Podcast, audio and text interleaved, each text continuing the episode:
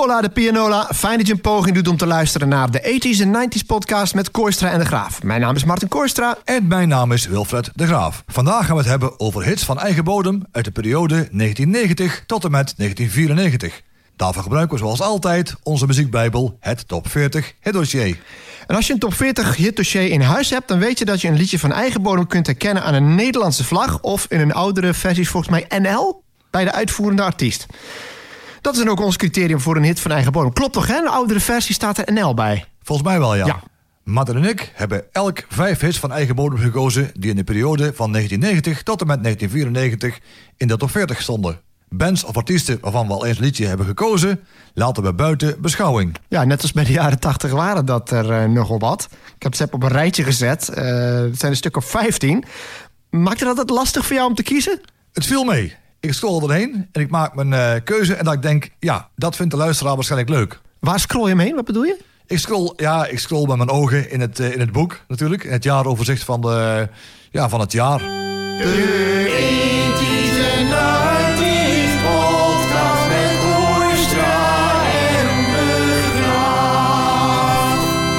Dan is het nu tijd voor onze top 10 hits van eigen bodem. Het betreft alleen liedjes die in de eerste helft van de jaren 90 in de top 40 stonden. We beginnen met het liedje dat de minst grote hit was. Nummer 10.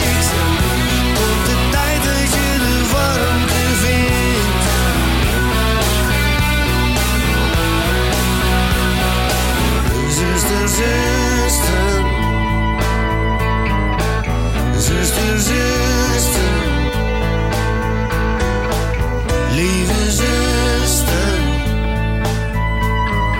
Zuster, zuster. Ga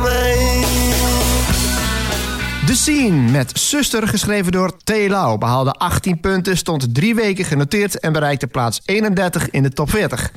En dan denken de mensen die The Scene kennen waarschijnlijk... Ja, maar waarom kiest die en waarom niet blauw en iedereen is van de wereld? Want eh, ik denk dat... Kende jij deze überhaupt? Nee, ik kon nog niet, dus eh, weer een verrijking. Maar ja, blauw en iedereen is van de wereld. Ik denk dat iedereen die wel kent. En iedereen van de wereld ook een beetje in de kroegenplaat trouwens, of niet? Oh jawel, in, de, in bijvoorbeeld eh, de kram of zo is hij goed draaibaar hoor. Ja, oké, toch wel. Nou, ik heb deze gekozen, want ik ben een fan van de scene, dat zeg ik wel. En ik heb voor Zuster gekozen. En dat komt omdat ik het album waar het vanaf komt... open beter vind dan die daarvoor. Blauw. Want blauw, daar komt dan, eh, eh, komt dan iedereen van de wereld en blauw vandaan. Eh, maar dit was het vervolgalbum. Dat album is heel goed ontvangen. En dan krijg je wat je wel vaker ziet... Dat mensen al heel snel het album gaan kopen. En dat daarom de singleverkoop eigenlijk niet zo heel veel meer toe doet. En eh, als je luistert, althans als ik luister naar Iedereen is van de Wereld. En de studioversie dan, hè. En de studioversie van Blauw, dan denk ik. mm, ja, dit, is aardig, maar het is niet zoals de band live klinkt. Heb jij scene wel eens live gezien ook, of niet?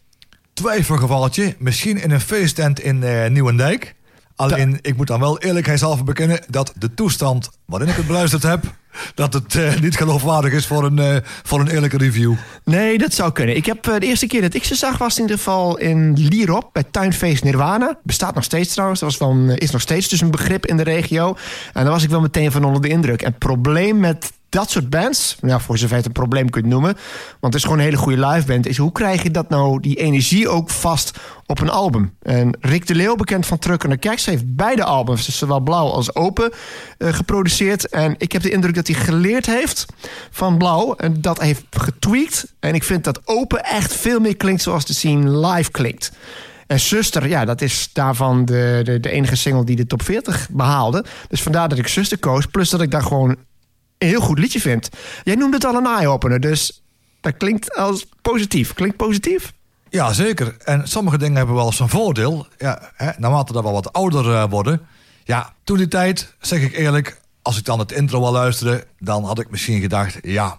Hè, ik heb er geen aandacht aan geschonken. Het was niet flitsend, niet spetterend. Geen, eh, geen, geen knaller, geen hitmiddagplaat. Maar nu ik dan ga luisteren, denk ik... ja, dat zijn toch wel ja, kwaliteitspopmuziek nummers. Nummer 9.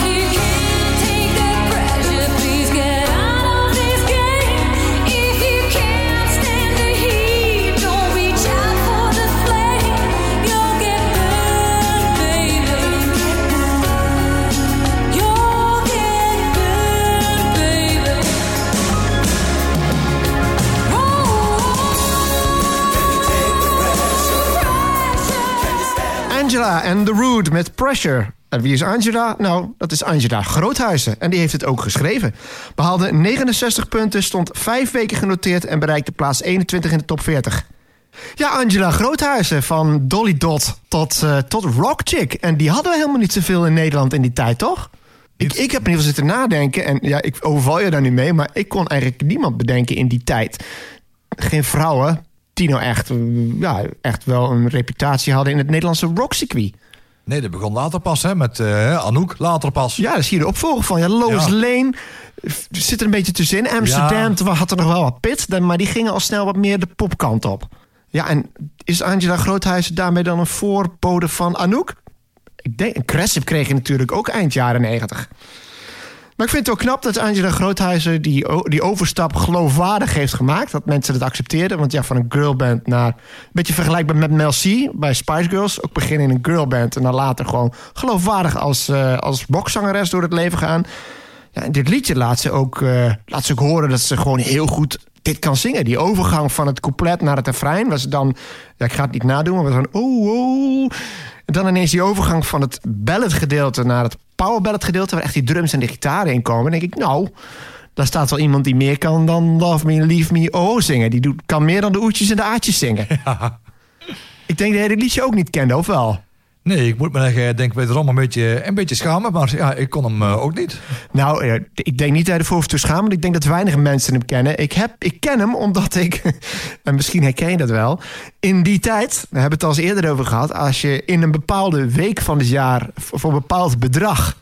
cd's kocht of albums kocht... dan kreeg je daar een gratis cd bij, het Nationale Muziekcadeau. Eh, en dit was gebonden aan de platen tiendaagse. Er zit een album, dat, heet dan, dat is een variant erop. Nederland, daar zit muziek in. Een vrij, eh, ik geloof dat het een gratis cd was die je ergens bij kreeg. En daar stond hij op. Want ja, ik heb hem dus op cd gehad. En ja, vroeger, in die tijd was je afhankelijk van cd's. Dus dan dacht ik, ik ga dit in ieder geval eens luisteren. En ik dacht, zo... Dat is niet dat ik het nog van de radio ken. Het staat toevallig op een eh, cd'tje dat ik Oh, ooit ja, heb ja, gekregen. ja. Dus je bent verexcuseerd. maar wat, nou, wat is jouw indruk van dit liedje? Ja, eh, mooi, ja, mooi uitgevoerd. En ook leuk het verschil tussen de Angela van de Dolly en nu in, eh, in een band. Dus eh, ja, ik was weer op een positieve manier weer verrast. Ik dacht trouwens, dat is, niet onbegrijpelijk dat The Root een band was. Maar het was een beetje een grap. Want het is eigenlijk een duo, Angela Groothuizen en Ruud Mulder. En Ruud Mulder, daar is hij toch weer, die naam. Die hebben we al eens een keer in een van onze eerste uitzendingen genoemd. Was de gitarist van de Nederlandse popfunkband van begin jaren 80. eh, waar ook de man in zat die, met, die voor Rob de Nijs Banger Hart produceerde. Spargo. Spargo, ja. en die zitten dan toch zo'n beetje overal. Dus je ziet dat toch wat namen, net als voor jou... eh, die namen ga ik niet noemen, laat ik dadelijk aan jou over.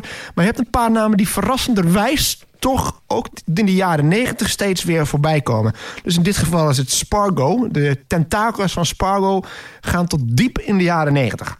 Wist je trouwens dat Angela Groothuis ook de ontdekker was... van Roberto Giacchetti en de Scooters... Ik heb wel eens van die link gehoord. Eh, ze had de eerste single Hot Summer Night. eh, heeft, heeft zij ervoor gezorgd dat die kon worden opgenomen. En eh, die is opgenomen met hulp van Ruud Mulder. Dus zij was de eerste eigenlijk die... Zij was degene die Roberto Giacchetti omarmde. Dan hebben we het over begin jaren 80 toen ze nog in de Dolly Dot zat. En heeft haar connecties gebruikt om hun een platencontract te geven. Dus ja, toch leuk. Nummer 8.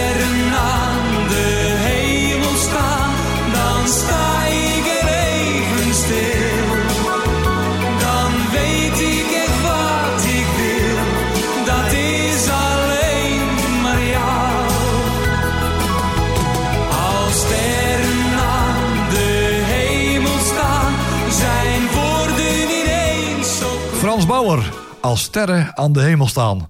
Geschreven door Emiel Hartkamp en Martin Schreienberg. Behaalde 204 punten, stond 12 weken genoteerd en bereikte plaats 17 in de top 40. Ja, in die tijd kon je eigenlijk niet echt hardop zeggen dat je fan zou zijn van eh, Frans Bauer. Ja, de Nederlandse eh, muziek, hè, een beetje het genre, het genre op volle toeren. Dat was nog, ja, eigenlijk zo, ja, daar, daar maakte je niet de blitz eh, mee, zeg maar. Nee, in de jaren 90 niet meer. In Nee. de jaren 80 en zo had je nog wel de grote hits ja. van Hazes en Koos Albers en Corrie Konings. Maar in de jaren 90 kon het eigenlijk niet meer. Maar toen kwam in één keer eh, ja, als sterren aan de hemel staan. En dat werd een, eh, eigenlijk wel een gigantisch hit. Ja, door een, een toen nog onbekende Frans Bauer. Een jongen van het woonwagenkamp. Die echt, eh, ja, vroeger schijnbaar nogal plaatjes eh, had eh, gemaakt. En, en die echt nog aan de deur verkocht. Ja, hij was een, een ondernemend type. Ik vind het grappig hè, van Frans Bauer. Ja, die heeft één single gehad in 1994. En de rest is allemaal vanaf 95. Maar je hebt er voor Ja. deze aflevering gekozen. En dan is mijn vraag wel... Waarom niet in... Want we gaan ook nog... We doen natuurlijk ook nog een aflevering over 95, 99. Waarom dan toch dat ene liedje dat hij voor 1995 op single heeft uitgebracht... Althans, de enige top 40 hit. Waarom deze dan gekozen? Omdat het juist een beetje de doorbraak eh, was. En ja, en dan denken mensen, oh, zou het misschien nog eh, het, het genre gaan doorzetten? Jawel, want ja, het huidige vermogen van Frans Bauer met zijn, eh, met zijn liedjes... Ja, wordt toch, toch wel geschat om en nabij de 31 miljoen euro. Ja, ik weet dat er een lijst staat in de top 40 van de meest succesvolle artiesten van de jaren 90. En dan staat Marco Borsato daarop een. Maar ik denk dat de enige reden is dat Frans Bauer iets later om de hoek kwam kijken. Want ja, als je kijkt naar de aantal hits, het 97, 98 met name. Dat was het topjaar. Dat hij 99 had hij nog een album met Corrie Konings gemaakt. Nou, want dat album voordat het überhaupt uitkwam... was het vanwege de reserveringen al gecertificeerd met platina. Ja, ja. Dus vier, vijf jaar later was Frans Bauer gewoon je van het. Ja. Maar volgens mij werd het helemaal niet op mainstream radio gedraaid, of wel? Nee, helemaal Zeker bij, bij Decibel niet Nee, gedraaid. zeker niet. Nee, helemaal totaal niet. En de manier waarop hij ook bekend werd... Ja, via het tv-programma van eh, Robert en Brink... All You Need Is Love.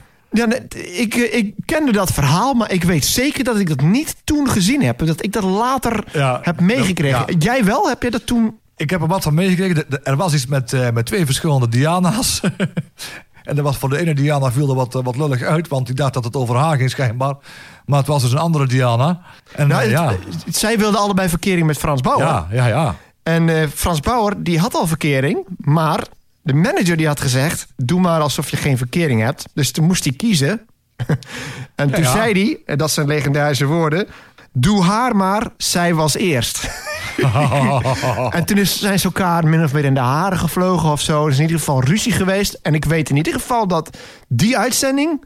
dat dat, nou tot wekenlang... het was het gesprek van de dag... Ja, ja. en Frans Bauer is daar bekend geworden. Niemand Ja. had ooit van hem gehoord buiten zijn eigen kring. Dus een fantastische doorbraak. Ook voor het programma, want dat was het eerste seizoen. Ja, dan ben ik wel benieuwd. Want Frans Bauer, dat kan nu wel, denk ik, op een feest. Ja. En misschien hangt het af van wat voor soort feest. Maar als iemand aan jou vraagt, draai eens iets van Frans Bauer. Wat is dan de eerste plaat die jij normaal gesproken zou opzetten? Nou, ik zou, ik zou meestal denk ik wel komen met... eh, heb je even voor mij? Heb je even voor mij. Dat, Omdat, ja, er, omdat er zo'n lekker oh, hey, eh, gehalte in, eh, in zit. Een heel lekker ding. Ja, dat vind ik eigenlijk weer zoiets van... Ja, een beetje zo, zo popiopje van... Hé, lekker ding. Ja, ik heb, ik heb er niks mee hoor. Want, want eh, op zich was... als Sterren aan de hemel staan... was later nog uitgevoerd door, door Dario. Die had toen van die versies hè, van eh, De Clown. Ja. En, op een, en had hij ook, ook, ook eh, als Sterren aan de hemel staan. Alleen die, want e- eerder gezegd, bijna al die liedjes van Frans Bauer uit die periode 94, 95, 96 eh, zijn moeilijk uit elkaar te houden. Ja, dus dan zou je zeggen, dan ja. doet de rest ook maar. Heeft hij er nog meer gedaan? Van Frans Bauer volgens mij eh, niet. Dan is dit toch degene die er bovenuit steekt. Er is wel nog een keer een, eh, een Frans Bauer hitmix eh, geweest. maar, maar, maar nog een beetje een, subtiel, eh, een subtiele beat onder is gezet. Ja, nou ja, zoals ik zei, die liedjes die klinken redelijk hetzelfde. hè, Volgens beproefd recept. Ik moest zeggen, ik luisterde er laatst naar.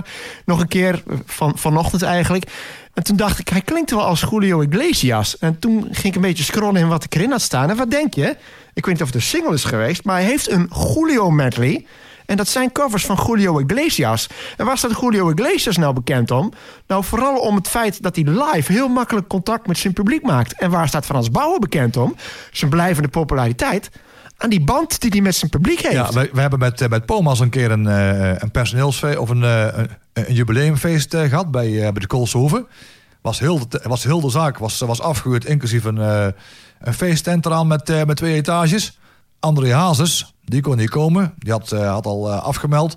Toen kregen we als B-keus eigenlijk, kregen we Frans Bauer. En het was geweldig. En op een deur, ja, wij hadden ook een borreltje op. En wij gingen gewoon het podium op zo. Hup, handje bij Frans Bauer om, eh, om de schouders. Toen keek een grote gorilla. Die keek eventjes van, oh, is dat wel goed? En Frans die keek, oh, ja, duimpje omhoog. Oh, dat is prima hoor. Dus wij gingen met Frans en die ging gewoon door het publiek heen. Oh, la, la, la, la, met de microfoon. Ja, we hadden gewoon ja, de grootste lol. Was dat het moment waarop jij omging? Want wat ik je hoor, je draait wel Frans Bauer. Terwijl het in die tijd, en ik denk dat jij dat ook vond... toen hij deze hit had, dat hij eigenlijk nog heel erg behoorlijk fout was. Ja. Was dat feest voor jou een keerpunt dat je zei van... Goh, die bouwer is eigenlijk best... Ja, gewoon- ja, die is wel oké. En ik zag ook dat hè, mensen uit het zakenleven... Hè, want op dat feest waren heel veel eh, klanten en leveranciers... die, eh, die waren daar van, van Pomas. Ja, uit binnen- en buitenland overigens. En die deden even hard mee. Ik denk, nou, als iemand zo'n entertainmentgehalte heeft... ja, dan... ja, dat is leuk.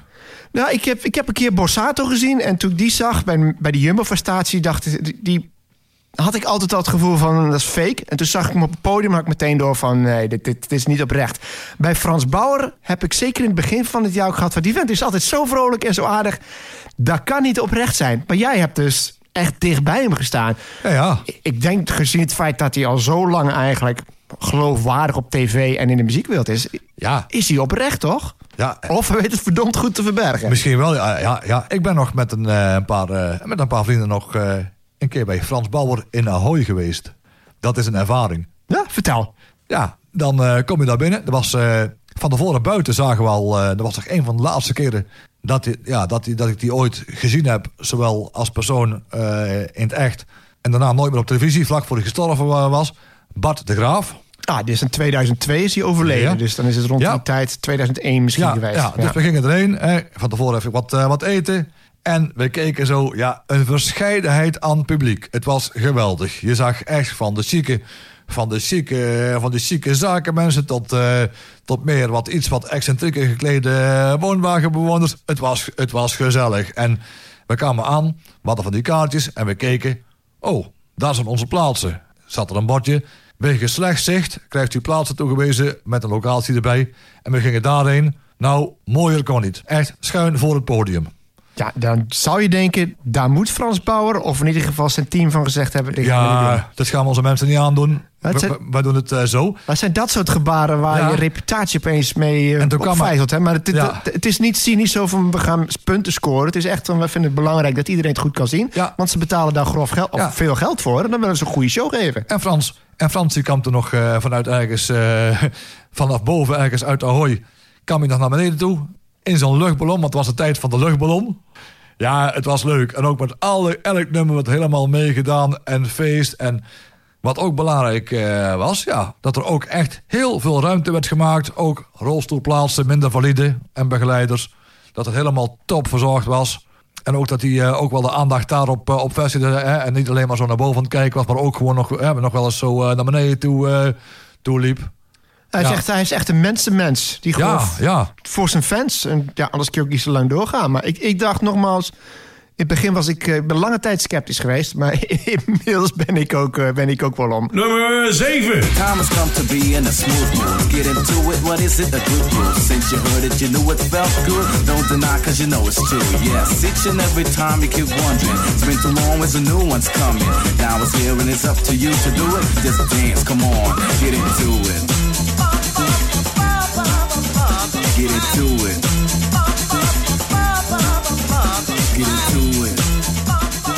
Tony Scott, Get Into It. Geschreven door Fabian Lensen en Tony Scott. Behaalde 226 punten, stond 9 weken genoteerd... en bereikte plaats 4 in de top 40. Ja, eh, we noemen wel eens de term nederhop. En bij nederhop zijn de eerste namen die bij mij opkomen... normaal gesproken eh Osdor Posse, Extens en Brain Power. Eh, en dat is dan Nederlandstalige hiphop. Ik denk dan, dan vergeten we eigenlijk dat er toch een paar hiphoppers waren... van Nederlandse afkomst die daarvoor al actief waren.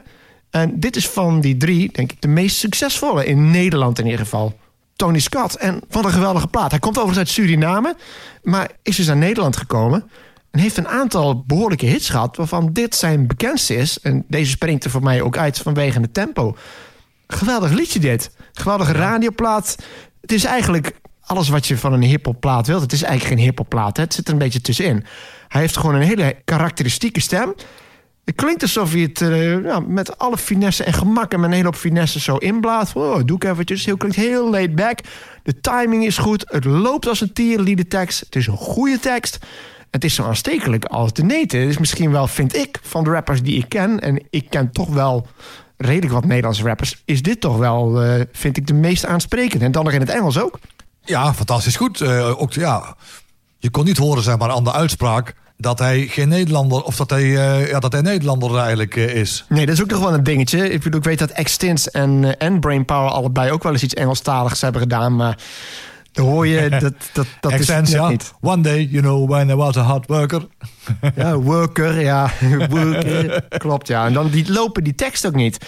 Maar van Tony Scott wel. En dit is best qua timing, om dat goed te timen en in de tempo te doen.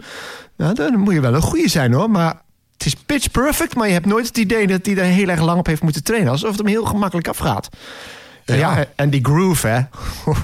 Lekker opgespied. Weet je trouwens waar het van... eh, We hebben natuurlijk even opgezocht, hè. Waar het van, vandaan komt. Ik wist het niet totdat ik het ging uitzoeken. Nou, eh, vertel maar. Earth, Wind and Fire.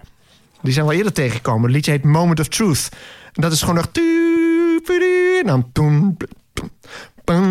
Nou ja, je kunt wel bedenken... de funk van Earth, Wind and Fire is een stuk langzamer. Ja. Maar die hele groove... dat is gewoon Earth, Wind and Fire.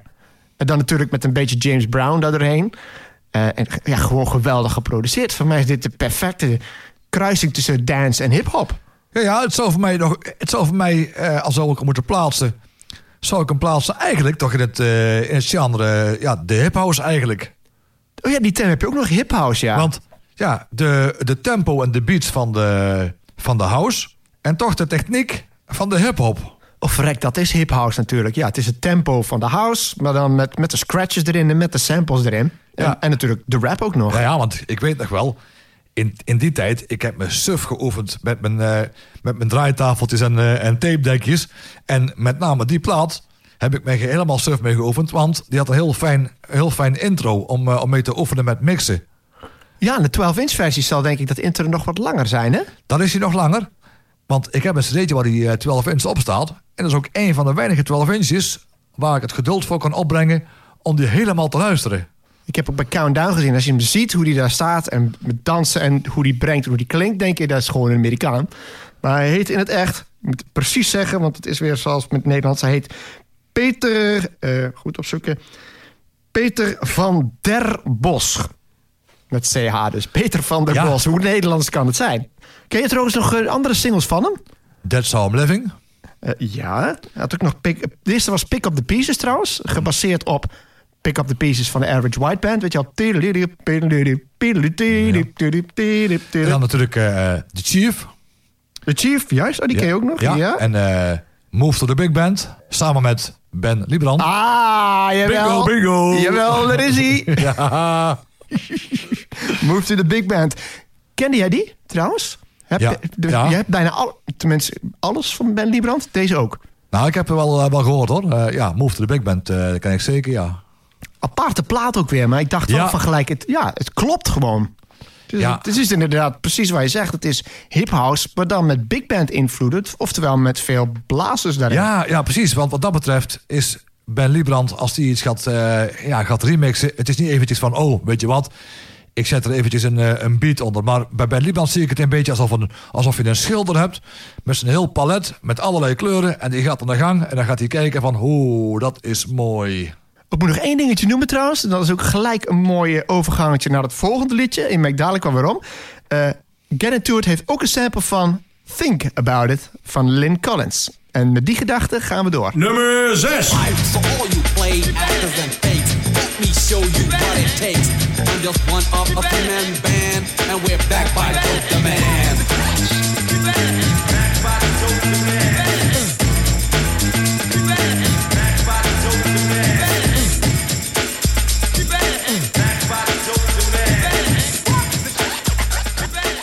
King B, Back by Dope Demand. Geschreven door Juan Elzoom en Armand Corneille. Ook bekend als All Star Fresh en Frime. Zo staat het er. Behaalde 290 punten, stond 11 weken genoteerd... en bereikte plaats 3 in de top 40.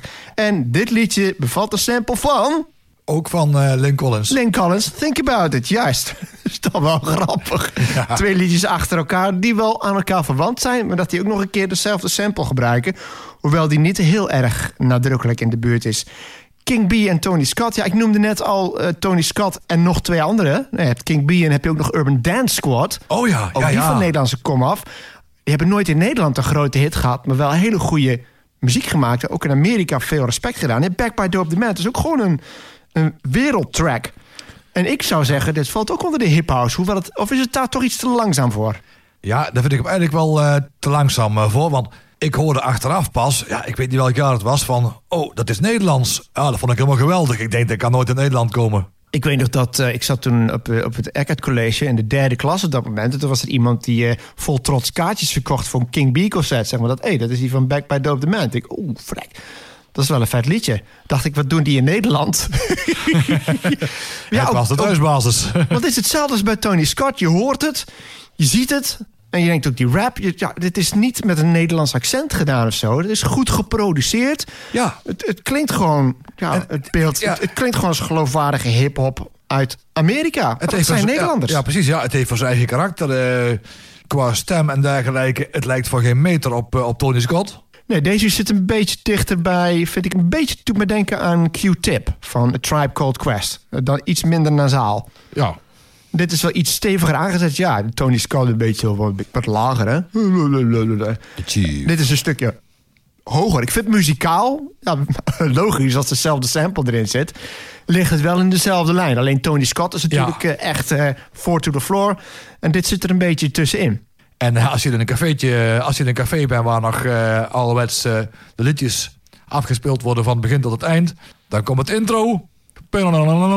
En dan komt hij. Nou, het kost moeite om stil te blijven staan, want daar komt beweging in. Ja, dat is ook zo'n liedje waarbij als je... We hebben er meerdere gehad, hè? Misschien dat jij er ook nog eentje kunt noemen. Maar Oh, er is ook weer zo'n liedje waarbij je gewoon zo'n vaag intro hebt. Maar terwijl dat zo is, denken mensen... hé, hey, daar is hij. En op het moment dat hij begint, staat iedereen op de dansvloer. Ja, en dat was ook bijvoorbeeld met, eh, met Jump Around van eh, House of Pain. Juist, juist. Ik, zou- ik wist dat we er eentje hadden genoemd. Die had jij genoemd. Ja, zo tup, tup, tup, tup. En dan staat iedereen ook klaar en moet springen. Ja, ja, ja, ja, want toen ik was bij in, eh in Helmond, hoorde ik die eh, achter elkaar. House of Pain en eh, King B. Ja, ik wou net zeggen, dat lijkt me een aardig blokje. Nou, House Ja. of Pain, die staat bij jou sowieso in het lijstje. Die, die kun je overal draaien, denk Ja, ik. ja. Deze misschien, staat deze ook bij jou standaard? Jawel, die kan ik ook, ja, die kan ik ook, ook gewoon draaien. Oké, dat vind ik dan wel, ja, wel mooi. Eh, overigens, als je denkt, eh, oh wat een geweldige compositie is dit. Wat hoe, hoe, hebben ze dat intro bedacht? Ja, dat hebben ze helemaal niet bedacht. Want zowel het intro als is, ik zou bijna zeggen natuurlijk, is gesampled. En de naam is al een keer genoemd door die jazzgrootheid, bekend van Rocket, Herbie Hancock. Dus als je dat wilt luisteren, dat is echt een goede plaat. Uit 1969, Wiggle Waggle. En het is exact hetzelfde, maar wel met een iets andere beat. Dus ook die vage geluiden. En dan pom, pom, podam, podam, pom, pom. Dat hele intro en de hele groove met een iets andere breakbeat. En dan heb je dus Herbie Hancock, 1969. Wiggle, wiggle, waggle. Niet te verwarren met wiggle, Wiggle, wiggle. wiggle. En ook niet te verwarren met, voor de Wickfield fans, wiggly wiggle. En niet te verwarren, niet te verwarren met de Out Brothers. Die hebben we ook nog. Don't stop, wiggle, wiggle. We wijken af. Nummer 5. Want het is lekker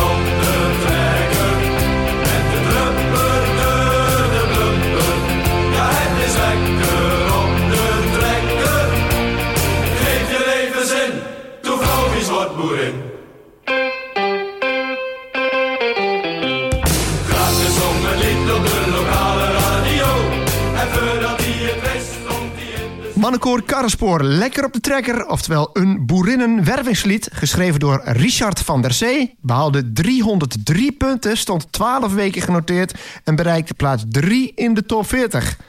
En in zekere zin is dus een grotere hit dan Mooi Man. Alleen vind ik deze qua melodie en simpe- simpelheid vind ik die zo effectief. Dit is gewoon, ja, pretentieloze feestmuziek. En eh, het is uit de tijd dat boeren nog, denk ik dan, gezien het nu is, dat boeren in ieder geval nog eh, ja, de spot met zichzelf konden drijven. Het is nu natuurlijk zo dat de situatie wat schrijnender is dan 30 jaar geleden. Dan druk ik me voorzichtig uit. Maar hier heb je gewoon een aantal echte boeren die gewoon een beetje de draak met zichzelf steken. En met melige, leuke liedjes. En dit liedje is qua inhoud, denk ik, nu belangrijker dan ooit. maar ik vind het gewoon een heel leuk liedje. En ik vind hem leuker dan Mooi Man, want Mooi Man is een beetje een cliché. En eh, ja, ik denk dat het op de, op de dag van vandaag nog steeds bij zo'n tukkerfestival of zo, zo'n boer eh, gebeuren, dat het nog steeds wel eh, aan zal slaan. Ik denk dat als je een karaoke show doet op zo'n boerenfeest... dat je gewoon de, hele, hele hitlijst van Mannenkoor Karrespoor... plus de B-kanten trouwens... daar moeten we het ook nog even over hebben...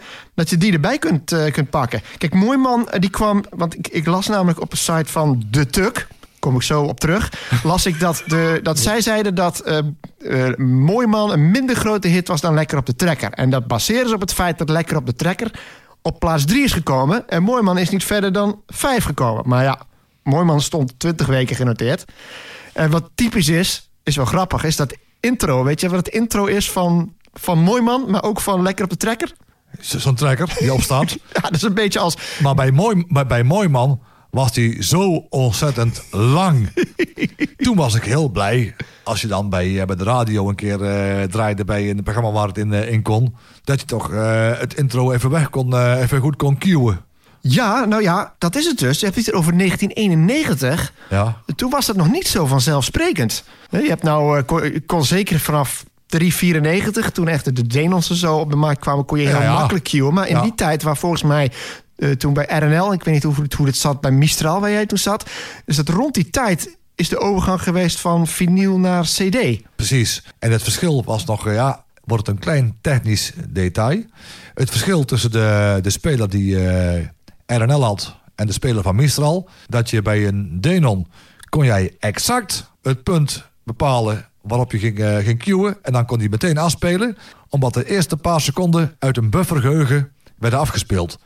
En bij de stageline, zo heette die in eh, RNL eh, studio, was het wel dat je hem als het ware gewoon kon cueën. Maar dan gebeurde er hetzelfde als dat je normaal gesproken een cd-speler afspeelt. Ja, ik even uitleggen voor degenen die misschien wat minder technisch zijn. Wat bedoel je precies met queuen?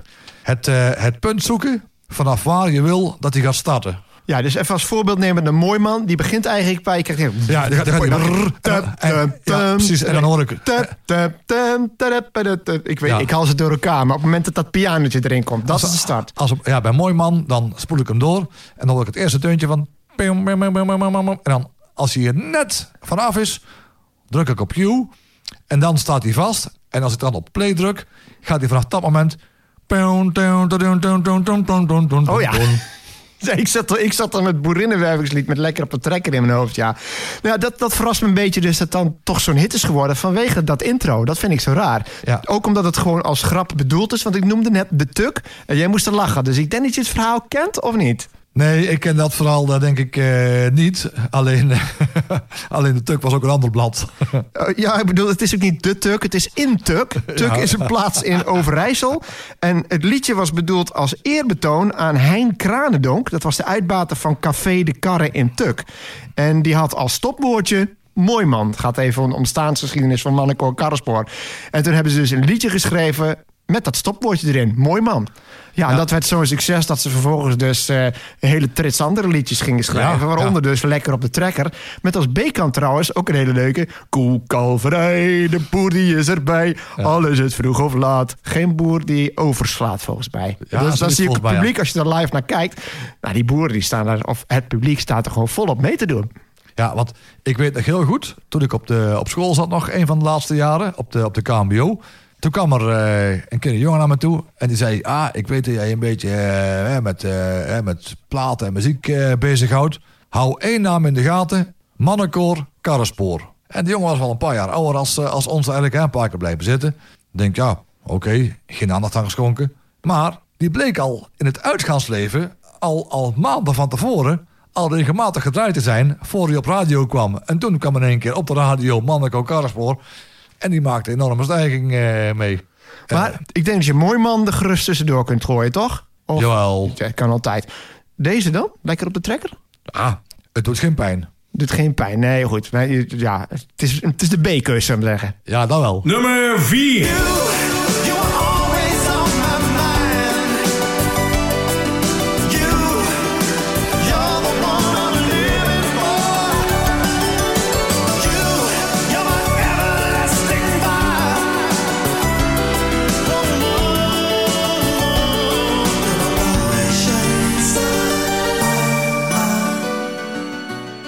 Ten Sharp, You, geschreven door Niels Hermes en Ton Groen.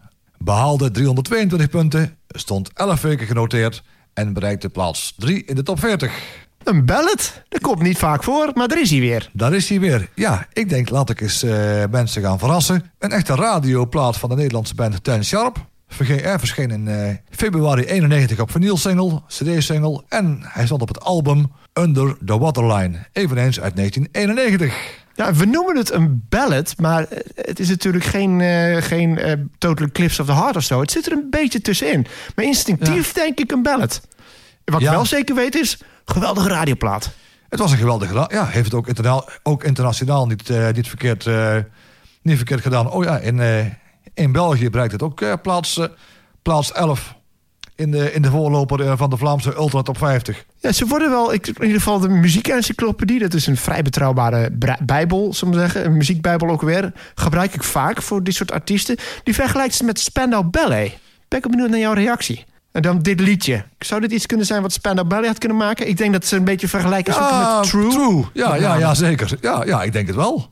Eh, Ik vermoed ook dat je dit gekozen hebt omdat het zo'n goede radioplaat is, of niet? Ja, ook nog een beetje wat, ja, wat herinneringen uit de radiotijd. Ik ben natuurlijk ook naast mix-dj van een eh, danceprogramma... ook technicus geweest van een, eh, een sportprogramma, Spartacus. En dan doe je de muziek, ja, wat luchtiger, wat, wat meer... ja, wat, wat, wat, wat, wat softer eigenlijk. En dan past de Ten Sharp past er altijd geweldig bij. Ja, daar ben ik het helemaal mee eens. Het is een liedje van een band die vet eigenlijk geen hits heeft gehad. Eh, ja, eentje. Dat is wel opvallend trouwens. Want dat liedje, daar ken ik ze van. Maar dat is blijkbaar een obscure plaat uit 1985. Wanna sing, wanna dance, Japanese love song. Daar kende ik ze van. Ik denk, dit is wel heel anders. Maar eh, ze zijn toen, hebben wat geworsteld om een doorbraak te maken. En ze waren eigenlijk al uit elkaar. Die zanger die zat er niet meer bij. En toen heeft eh, een van die oorspronkelijke leden, leden, Niels Hermes, die kwam toen met You. Hij heeft Ton Groen later nog bewerkt. Dan heeft hij dus eh, de oude zanger nog een keer gevraagd van, zou je dit willen inzingen? Dat is iets van, nou ja, eh, voor een demo wil ik dat wel doen. Maar ja, zoals dat vaker gaat, je neemt een demo op, die slaat aan en dan zegt de producer en eigenlijk ook de schrijver van, is goed liedje, maar dan moet je hem wel zelf inzingen. En ja, toen kwam Stan Sharp dus weer bij elkaar en hebben ze nog een tijdje met elkaar eh, succesvol getoerd, maar eigenlijk alleen geteerd op deze hit. Nummer 3.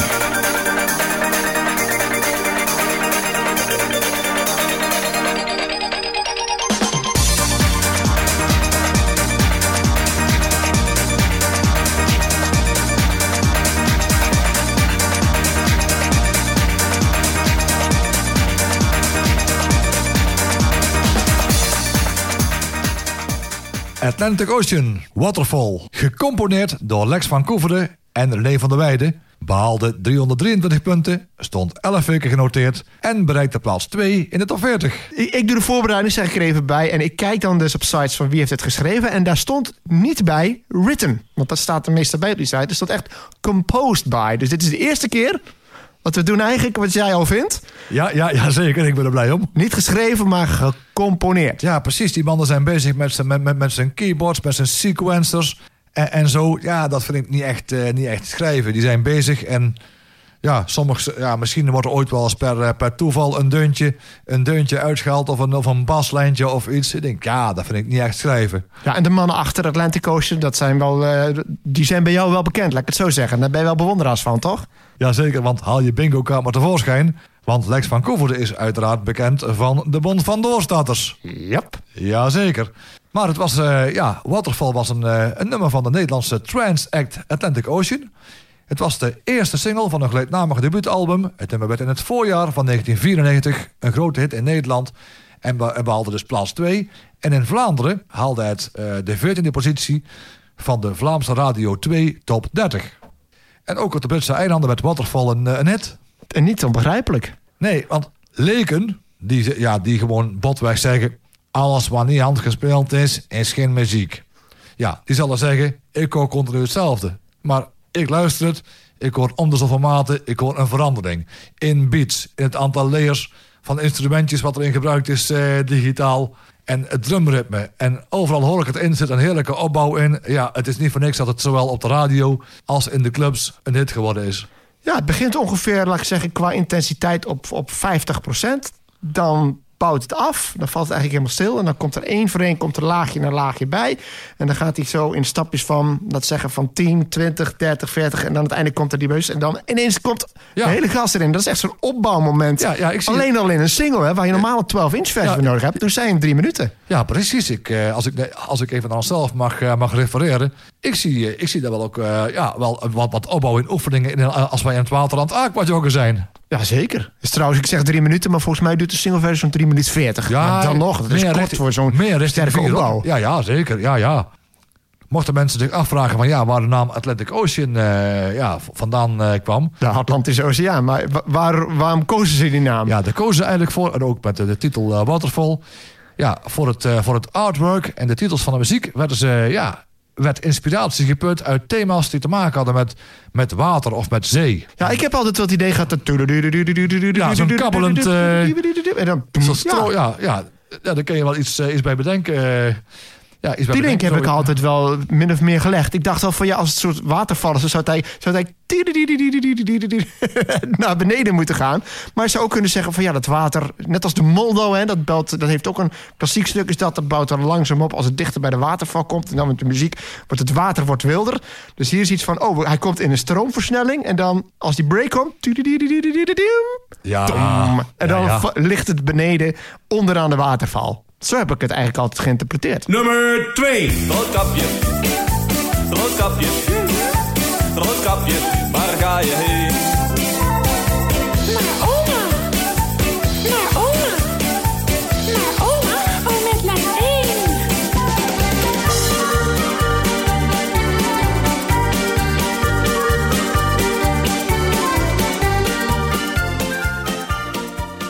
Pater Moeskroen, Roodkapje. Geschreven door Adje Grote en Ton Smulders. Behaalde 358 punten, stond 14 weken genoteerd en bereikte plaats 2 in de top 40.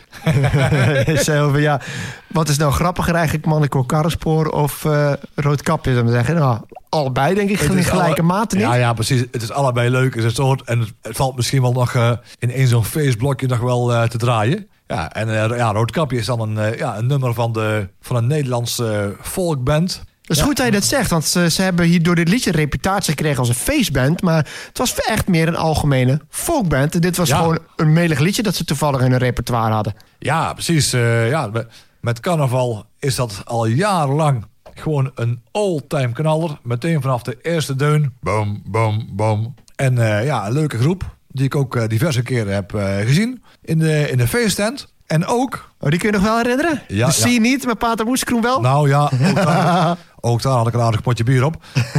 maar ik heb die de feesttent eh, gezien. Waarbij het overigens eh, geen overbodige luxe is om een, eh ja, een reserve shirt mee te nemen. Of, of, ja, of dat ter plekke naar te gaan kopen. Want heb je een shirt aan, ja, die gaat eraan. En ja, ik heb zelfs Pater Moeskoen een keer in het theater gezien. Ja, dat is op zich niet zo vreemd. Want het hele punt is, als je de, op, de zag... of de, Ja. de videoclip als dat heet... dan waren ze ook allemaal verkleed. Dus eigenlijk combineerden zij folkmuziek met theater. Het waren altijd al theatrale acts. Dus ze passen uitstekend in het theater. Speelden ze dan ook dit liedje... of was het echt Ja. een ander repertoire? Over het algemeen. Nee hoor, ze speelden ook, eh ook roodkapje. Want eh, ze weten dat heel mooi in te bouwen. Er komt er zo'n roodkapje. Komt wel eens een keer zo door die doeken van het theater. Een keer zo met die kopje zo. Uep. Als een soort teaser. Hallo. Ja, wacht, maar we weten dat we het liedje spelen die jullie niet kennen. Maar wacht maar, Roodkapje, die komt nog wel. Ja, ja. Ze is in de buurt. Ja, precies. Eh, Er was, ja, precies. En er, was en er was gelukkig niemand in de zaal die, die als het stil was, iedere keer zou roepen... Hé, hey, roodkapje! Nee, dat gelukkig niet. Maar de nummers van Pater Moeskoen, ja, ik vind ze allemaal... Ik vind ze eigenlijk best wel, eh, best wel leuk. Ja, want in de top 40 staan liedjes, die ken ik ook allemaal. hè. Hele hola tutto, laat me, laat me niet alleen. En ik zeg, hey, Ja. oh, dat was een tweede hit. Dan heb je ook nog, kom maar binnen, door de keukendeur. De feestneus ligt al in de la la la la la. En natuurlijk, die hebben nog met lijn 7 gespeeld. Eh, ook een feest, laat maar waaien. En die is, als ik, en die is, als ik me niet vergis, nog een keer eh, opnieuw uitgebracht.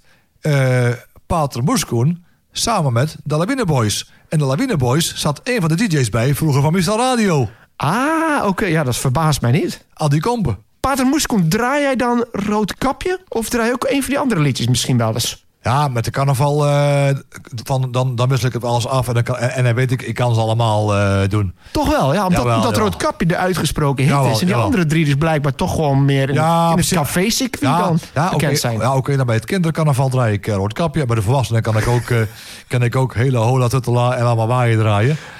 En ik heb nog een leuke anekdote.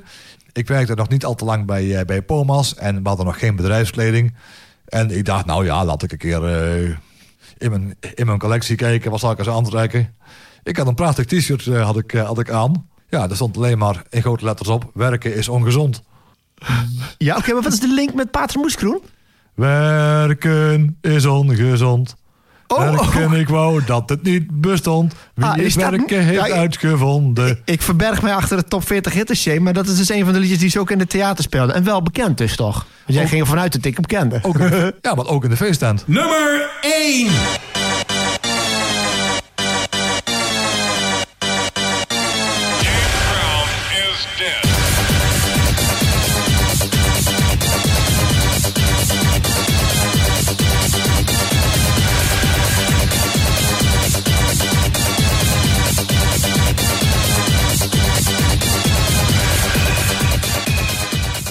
L.A. Style, James Brown is Dead. Gecomponeerd door Denzel Slamming. Jawel. Behaalde 425 punten. Stond 14 weken genoteerd, waarvan twee weken op nummer 1 in de top 40. En Daar was hij weer, hè? Gecomponeerd, jawel. Ja, ik ben weer helemaal blij. ja, dat was weer een, eh, een plaat. Je hebt een, eh, een deuntje, dan valt er een stilte en dan komt er een tekst. Waar hebben wij het eerder gezien? De rode schoentjes. Oh ja. Ja, dit is wel van een ander lakende pak, hoor. Ja, Qua- ja, ja, ja, ja. Dit Muziek. Was, dit was wel eventjes een, eh, een dingetje. Hier, ik denk dat eh, James Brown is Dead, ja, die heeft wel eventjes eh, even weer de muziek even op zijn kop gezet, vind ik. Nogal, ja. Een groot verschil met Boomer Support. Dus Boomer Ja, Support begint ja. met een pianootje. Een heel En- lieflijk en- stemmetje. En dan begint het te knallen. En dit begint eigenlijk al... Tom, tom, Ja, tom. en meteen met die, en meteen met die beat. Van... Oh, heerlijk. Toem, toem, toem, toem. En die orchestral hits. Ja, precies, want Ja, dit was wel iets van waarvan je de eerste keer denkt van... Wow, wat de hell is dit, weet je wel? Ja, dat en was- dan dat na was- 10, ja. 15 seconden ben je om. Ja, precies. Maar dat was ook dat eh, in het begin ja, heel veel ouders van, eh, van kinderen van oh, die dan uh, die housemuziek draaiden. Ja, de tering. Wat, wat is het voor, voor, voor, voor, voor een, voor, voor een takkenherrie? Eh, wat is een goede reden om muziek te kopen? kopen? Om, een lekker- beetje je ouders te stangen. om ik lekker- had hem op single, Ja, ja, om, lekker takkenherrie, eh, lekker takkie, ja, takkenherrie te maken. Draaide jij hem ook live thuis? Want, eh, of heb, heb je hem überhaupt op single gekocht? Ik heb hem niet op, op, single, op single gehad. Ik, ik had die op cd staan. Op eh, Turn Up The Bass. Ah ja, dat, daar was hij wel een favoriet, heb ik begrepen. Dat echt James Brown is Dead stond. Want dat was de periode waarin die Turn Up The Bass en Move, Move, Move the House. Move The House... en ja, jij weet ongetwijfeld nog een paar van dat soort titels. Techno Trance. want, toen, want, want toen kwam er in één keer, toen was het hek van de Dam. In één keer kwam er een hele batterij uit met allemaal platen met een eenvoudige deun. En die gewoon echt zo snoerhard gewoon door die speakers klonken. En dan had je ook eh, echte cd's die, hadden, die zich speciaal gingen richten op, eh, op mensen met, eh, met dikke installaties in de auto's. En dan had je, ja, die cd's heten dus... Food for Woofers. ja, ja. Oh, oh, dat was echt heerlijk. Van even, eventjes lekker imponeren met je, met je car sound. Nou, echt, een- echt een knaller, gewoon keihard. Maar wel een liedje waarvan je denkt... oké, aardig voor op speciale gelegenheden. Maar deze werd wel op de radio gedraaid. Terwijl het toch niet erg radiovriendelijk was en nog steeds niet is. Ja, maar ja, misschien kan het wel. Omdat eh, ja, ook een van degenen ja, degene die dus het, eh, het tekstje van James Brown is Dead ingesproken was... dat was niemand minder dan Wessel van Diepen. Ja, en ook, eh, die staat ook gecrediteerd als een van de producers trouwens. Dus. Maar ja, ook daarvan zou je zeggen... de man van de Banger Boys... die maakt platen waarvan hij weet... daar kan ik veilig op de radio draaien. En Ja, ja. heeft hij blijkbaar toch eens een keer gezegd... nou, weet je wat, we gaan eens een keer iets totaal Ja. idioots doen. Ja, en dan ja. wordt het ineens misschien wel een van zijn grootste hits. Ja, en wie er, Pro- eh, qua productie dan. ja, en wie er ook al, meege, wie er ook al meegewerkt eh, heeft... was Michiel van der Kuij. En die ken ik van Laserdance. Dat was, eh, Ah. dat was Italo. En dan viel die Italo nog specifiek onder de categorie Space Synth. Ik zit even te kijken hoor, want eh, dit was... Ne oh, ik zit bij 1981. Ik zit even te kijken hoe hoog die stond in de, de, de single top 100. Op nummer 4. achter Everything I Do, Mooi Man en More Than Words van Extreme. En net voor Crazy en Liefde voor Muziek. Dus de op vier na meest succesvolle plaat uit 1991. Ja, maar ook in het, eh, in het Duitse taalgebied en in, eh, in Italië, Spanje, Australië, eh, Zweden werd het een grote hit. Het bereikte zelfs de Amerikaanse Billboard Hot 100. Ja, weliswaar plaats 59, maar toch voor zo'n voor zo'n ja, voor, voor, voor zo'n voor zo'n house-projectje. Ik vind het niet slecht. Ja, ik ben niet direct onder de indruk. Maar het feit, het is natuurlijk wel zo dat er best een scheiding was tussen Amerikaans en, en Europees. Het feit dat je ook Australië noemt, zegt wel dat het, dat Ja. het aardig succesvol is geweest. Ja, en je moet niet vergeten, en je moet niet vergeten dat de afstanden toen echt letterlijk en figuurlijk veel groter waren. Want er waren geen internetverbindingen. Nee, dat klopt. Maar ja, je noemt Wessel van Diepen. En, eh, en ja, dat is wel iemand die connecties heeft natuurlijk. Maar ja, dan nog, we zeiden ook al van... het is niet echt een radiovege plaat. Ik denk ook niet... Dat weet ik toch niet. Mijn gevoel zegt... op een 90s, zelfs op, op Radio Decibel... dat echt zo'n 90s zender is... zul je deze niet vaak horen. Als je hem überhaupt al hoort. Nee, ik denk niet in de, in de normale dagprogrammering. Maar misschien wel in een meer themagerichte uitzending. Dat zou zeker kunnen, ja. Want het is wel een, het is wel een dansvloerklassieker. Maar geen radioplaat. Ja, er kwam ook een, eh, een kettingreactie. Want eh, ja, niet veel later scoorde Holy Noise. spo- eh, die scoorde een hitje met James Brown is Still Alive. En Holy Noise zat niemand minder in dan Peter Slaghuis. ik voelde hem wel aankomen. ja, ja, ja. En je had ook nog, eh, weet ik even niet van wie... Who the fuck is James Brown? Hadden we ook. Dat was eh, Traumatic Stress. Juist, ik- ja. En En, je had eh, Interactive met Who is Elvis. juist. En dan... Who is Elvis? Ja, en dan Seven Sons, of Seven Sons, of misschien Sieben Zonen of zo, met Vader Abraham is dood. Jeet, wacht. Die, En, eh, Vader Abraham is dood. Dat was dus ook hetzelfde stijl als dit. Ja, ja. Oké. En, eh, en eh, obscuur, obscuur FM met Michael Jackson is in heaven now.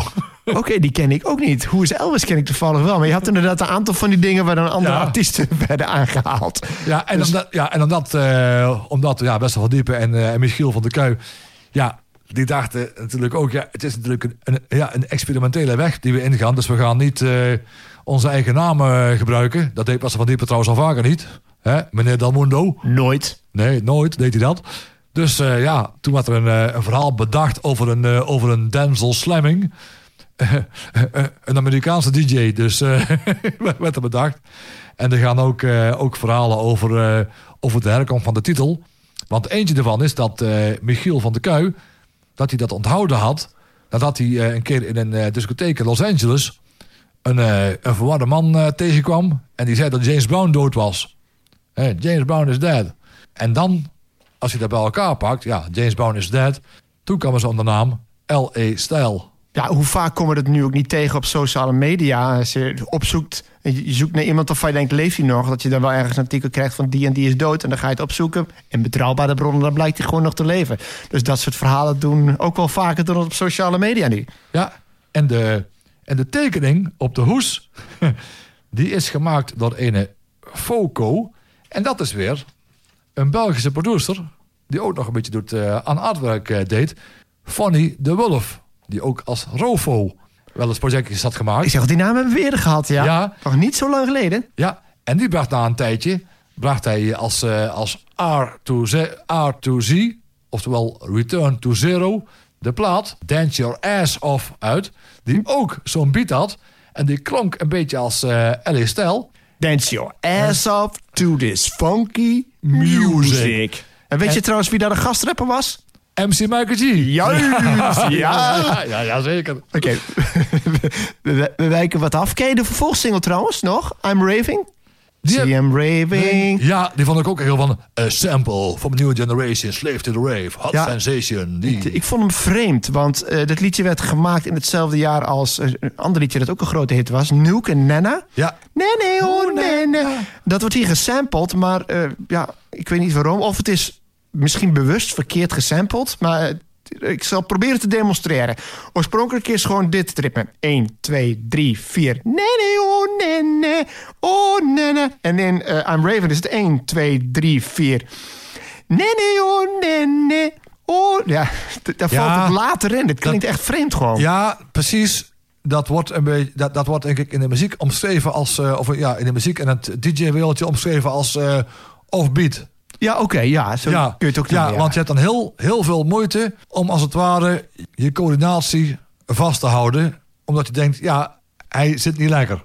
Ja, nee, dit, dit, dit zit er gewoon een hele tel naast. Dus het, het klopt, het, het past wel in het ritme, maar de timing is anders. Dus Ja, dat vond ik, ja. vond ik vreemd. Daarom vond ik hem wat minder. Dan staat in 1993 ook nog een, een, een single trouwens, Balloony. Maar dat zegt me helemaal niks.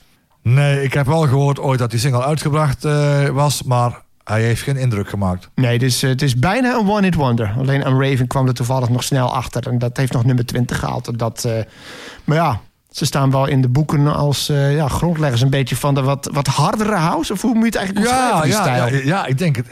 Ik denk het wel, eh, ja. Want, Het is een beetje de voorloper van de hardstyle. Ja, qua- misschien wel, ja, want- agressieve sound. ja, want het geluidje van eh,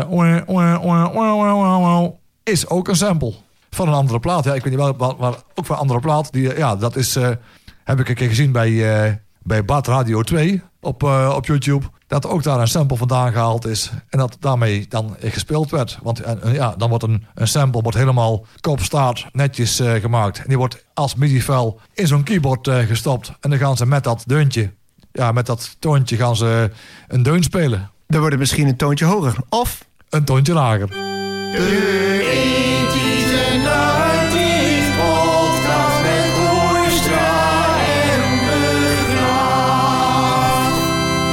Nou, wat opmerkelijke zaak. Het eerste wat mij opvalt, en dat vind ik wel leuk, is... Nou ja, de nummers 4 tot en met 1, die waren van jou. Dat is op zich niet zo belangrijk. Maar als je kijkt naar de nummers 4 tot en met 1... Noem ze nog eventjes. Dan hebben wij de, de absolute radioplaat Semi-Ballad 10 Sharp. We hebben de echte clubknaller Atlantic Ocean. Dan hebben we de feestplaat Pater Moeskroen. En dan hebben we eigenlijk de, de voor die tijd snoeiharde danceplaat James Brown is Dead. En dat valt bij elkaar eigenlijk een beetje ja, de Nederlandse muziek voor die periode samen. Ja, het was alles behalve een, eh, een, een, een saaie periode. Ja, we hebben nog King B en Tony Scott gehad. Dus je hebt ook Ja. hip house. Eh, we hebben dan nog de voorloper van rock gehad. Ik vind het, uh, vond redelijk. Frans Bauer zelfs. Dus, Maak het mee en man ook ook spoor. ja, nou ja, dat, dat vind ik dan weer in de categorie Pater Moeskroen vallen. Ja. Maar het is, het is vrij divers. Ja, de scene natuurlijk ook nog echt de, de kwaliteitsrock, zullen we zeggen. Dus een serieuzere rock. Eh, maar wij- kiezen de liedjes daar niet echt op. Hè? Ik denk dat jij net als ik wel een beetje probeert eh, rekening te houden... dat het niet allemaal hetzelfde is. Ja. Maar ja, we kiezen ook gewoon liedjes die we leuk vinden. ja, precies. Ah, Want neem nou bijvoorbeeld die laatste plaat. En dan moet je voorstellen dat slechts, slechts, eh, slechts vier jaar eerder, 1987, eh, nog Never Gonna Give You Up, Hippe Disco was. Ja, ik moet wel zeggen dat bijna alle liedjes uit, als ik het goed zeg, hè, met uitzondering dan van, even kijken, van Frans Bauer, komen de meeste liedjes volgens mij uit 90, 91. Misschien eentje 92 of zo. Dus vooral de vroege jaren, dan bedoel ik de hele vroege jaren 90. Dat valt me ook wel weer op. Want echt eentje maar uit 1994. Ja, Ja, ja, ja. ja nou en? Ja. Ik, ik, ja, nou en? nou en? Dus, En daarmee zijn we aan het einde gekomen van deze aflevering van onze podcast. leuk dat je wilde luisteren. Houdoe. En bedankt.